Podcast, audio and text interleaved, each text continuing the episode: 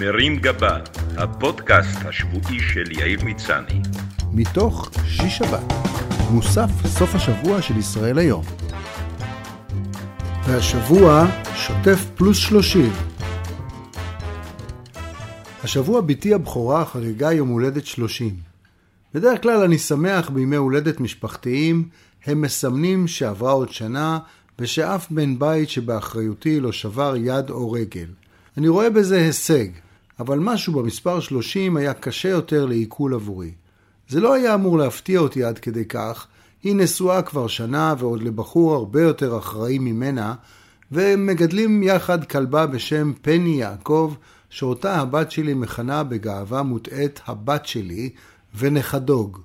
היא אפילו נוסעת בקרוב לעשות תואר שני בחו"ל, וסוף סוף תפסיק לאכול את האוכל שלנו, אלא אם היא בונה על זה שנשלח לה קופסאות עם שניצלים בפדקס. Thank you. ובכל זאת הופתעתי, אולי בגלל שבתי משקרת כבר שש שנים שהיא בת 24, ואולי כי קשה לי להאמין שאני אבא כבר 30 שנה. אני הרי בן 30 בעצמי, עוד לא הספקתי לעשות חצי ממה שרציתי לעשות בחיים, אני לא יודע מה אני רוצה להיות כשאהיה גדול, ואני בכלל לא בטוח שאני בשל ואחראי מספיק להביא ילדים לעולם. אז הבת שלי, התינוקת הקרחת ששרה רוח רוח בגיל חצי שנה, והפכה לאטרקציה לכל באי גן מאיר ועוטף דיזינגוף סנטר, היא קשישה בת 30, לפחות אני יודע שהיא לא תמות בגיל 27 כמו קורט קוביין, אימי ויינהאוס ורבים אחרים, בעיקר כי היא לא כוכבת רוק, אבל גם כי היא עברה כבר את הגיל. ההבנה הזאת שאני אבא כבר שלושה עשורים גרמה לי לפרץ נוסטלגיה. בשנה שעינב נולדה נחתם הסכם אוסלו, היה לי פאוץ' ולא בקטע אירוני, וכולם פה זמזמו את תשמור על העולם ילד של דוד דאור. היינו אופטימיים יותר, חשבנו שתכף יהיה שלום עם הערבים, ושאין סיכוי שהבת שלנו, שלמדה לנבל את הפה מגיל צעיר מאוד, אבל עדיין לא למדה איך לקרוא שעון, תצטרך ללכת לצבא. והיא באמת לא הלכה. כלומר, היא הלכה, אבל לקרוא לשירות שלה ביחידת ההסרטה של חיל האוויר ובחיפושים אחרי חבר טייס צבא, עלול לפגוע באלו שבאמת היו בצבא, כמו אחיה המאומץ אלי או אחותה הצעירה ענבל ששירתו במגלן. אני לא אבא מושלם, או כך לפחות טוענים ילדיי, אבל אחרי 30 שנות ניסיון בתפקיד, גם לעובד הבינוני ביותר עשויות להיות תובנות מעניינות. ואומנם לא ביקשתם, אבל אשתף אתכם בשמחה בכמה מהתובנות שצברתי במהלך שנותיי כאב. אחד, אל תיסעו לחו"ל עם הילדים. אף פעם. זה בזבוז כסף, הם רבים כל הזמן, מושכים אחד לשני בשיער באוטו ומשחקים בגיימבוי במקום להסתכל על הנוף. ההערה על הגיימבוי שייכת אומנם לשנות התשעים, אבל ניתן להחליפה בטיק טוק והופ זה רלוונטי להיום. כך שגם אם בדיוק יראו מהחלון טיגריס שעליו רוכב ברק אובמה, זה לא יגרום להם להזיז את העיניים מהמסך.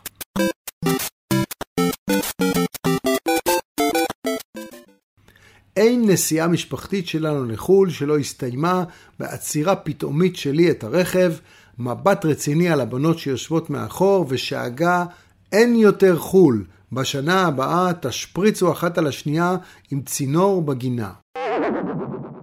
בנוסף, ילדים, או לפחות אלו שאני גידלתי, לא מעריכים מסעדות טובות, לא מעניין אותם מוזיאונים, והכי חמור, הם בסוף גם לא זוכרים כלום ממה שהיה. כלומר, אתם סבלתם, בזבזתם ימי חופש ופתחתם קרן השתלמות שאיתה יכולתם לקנות רכב חדש עם מסך חוסם רעש שמפריד בין המושב הקדמי לאחורי, ומבחינת הילדים החצופים, הם לא זוכרים אם נסעתם לזוהר הצפוני בקוטב או לג'ימבורי בפתח תקווה. התובנה השנייה שלי היא לא להבטיח הבטחות לאף ילד אף פעם, כי ילדים זוכרים הכל, לפחות את מה שהם רוצים לזכור ושקשור לשימוש בכרטיס אשראי. ואני לא פעם פיזרתי הבטחות שאין ביכולתי לקיים, כמו הפעם שהבטחתי לבתי הבכורה שאארגן לה בחתונה הופעה של להקת היי פייב. זה היה לפני 20 שנה, הלהקה הייתה בשיא ההצלחה שלה, ולא לקחתי בחשבון שעם השנים היא תתפרק, שאחד מהם ילך לעולמו, או שהבת שלי עדיין תזכור את זה. עינב עדיין נותרת לי טינה על זה, ואני עדיין מרגיש קצת אשם, למרות שאני נשבע שאין לי קשר להתפרקות של הלהקה או למוות של אמיר פרישר גוטמן. 3. ריטלין אינה מילה גסה. כשהבכורה הייתה ממש קטנה, בת שנתיים או שלוש, לקחנו אותה לאבחון, כי חשדנו שעם הגנים המפוקפקים שלנו, סביר להניח שמשהו יהיה לא בסדר איתה. המאבחנת שראיתי על הפנים שלה, שחשדה מיד שחטפנו את הילדה מהורים אחרים בבית היולדות, אמרה לנו שהילדה נבונה מאוד, ושאם היא לא תצטיין בבית הספר ותהיה הכי מכוננת בכיתה, כנראה שיש לה הפרעת קשב חמורה. לא התעלמנו מזה ולקחנו את הילדה לכל מרפא בעיסוק, הוראה מתקנת, מכשפה מפקסת, שרלטנית מחרטטת שיש בארץ. כמו כל הורה שחושש להפוך את הילד שלו לזומבי וחושב שהילד שלו מקסים כמו שהוא, לא רצינו לתת לעינב ריטלין. לכן נסענו איתה כל שבוע ברחבי הארץ למומחים הגדולים ביותר בתחום הקשב והריכוז, במטרה לתקן ולרכז את הילדה. בזבזנו עשרות שעות בשבוע על הכביש ובחדרי המתנה מפוקפקים, וגם כסף שיכול היה ללכת על רכב מפנק עם מערכת שמע, שאפשר להשמיע בה גם דיסקים ולא רק קלטות. שוב, מדובר בניינטיז, אבל זה לא עזר. הפרעות הקשב היו כל כך חמורות, שעינב לא שמה לב מתי היא נמצאת בבית הספר ומתי היא בחוג בלט. אם כי בשניהם היא לא שגשגה למרות ההשקעה וההתמדה והתרגול היומיומי. רק כשהייתה בכיתה ח' נכנענו והסכמנו לתת לה ריטלין.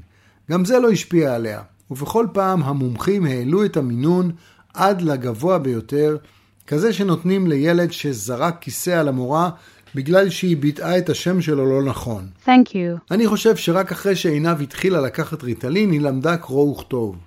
להעליב אותנו היא תמיד ידעה, אבל עכשיו היא יכלה להביא לידי ביטוי את התובנות העוקצניות שלה עלינו גם בכתב, ולא להסתפק בתושבע, טינופים שבעל פה. 4. לקח נוסף שארצה לשתף אתכם, קוראים יקרים, הוא תכננו את העתיד שלכם בעצמכם ואל תסמכו על הילדים. מאז שהייתה קטנה מאוד, בכל נסיעה של עינב ושלי ברכב, ברגע שאנחנו עוברים ליד בית אבות אחד רעוע ומפוקפק במיוחד, בתי נוהגת להצביע על המבנה המטלין פול, שבעצמו נראה כאילו הוא צריך להיעזר בפיליפיני כדי לעמוד, ומסננת לעברי, כאן אני אשים אותך אם תעצבן אותי. זה תמיד נאמר בהומור ובחצי קריצה, אבל כבר מזמן הבנתי שכדאי לי לתכנן את העתיד שלי ולא לסמוך על הבנות בכל מה שנוגע למגוריי בעתיד. 5.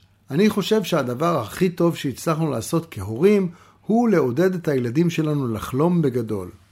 הביטחון העצמי של אף אחד מהם לא בשמיים. הם לא חושבים על עצמם שהם הכי יפים, הכי חכמים, הכי מצחיקים או הכי מוכשרים. והייתי רוצה שהם כן יחשבו, כי זאת המציאות. אבל הם יודעים שהם יכולים להיות כל מה שירצו בחיים. שההתמדה היא המפתח להצלחה, ושכל תקרת זכוכית ניתן לנפץ כמו צלחת חרס בטברנה יוונית, רק תדאגו לא להסתובב שם אחר כך יחפים. כשהבת שלך הופכת פתאום להיות בת 30, זה רק מדגיש כמה החיים קצרים, אבל גם את זה שכדאי ליהנות מהם ולא רק לרדוף אחרי הישגים. לכל דבר יש את הזמן שלו, ואף גיל הוא לא מאוחר מדי כשזה נוגע לחלומות. אם הנסיך צ'ארלס הצליח בגיל 450 להגשים את החלום שלו ולהפוך סוף סוף למלך, השמיים הם באמת הגבול. בקיצור, עינב, את בת מושלמת, ואני כבר מתגעגע. שבת שלום. מרים גבה, הפודקאסט השבועי של יאיר מצני. מתוך שיש שבת, מוסף סוף השבוע של ישראל היום.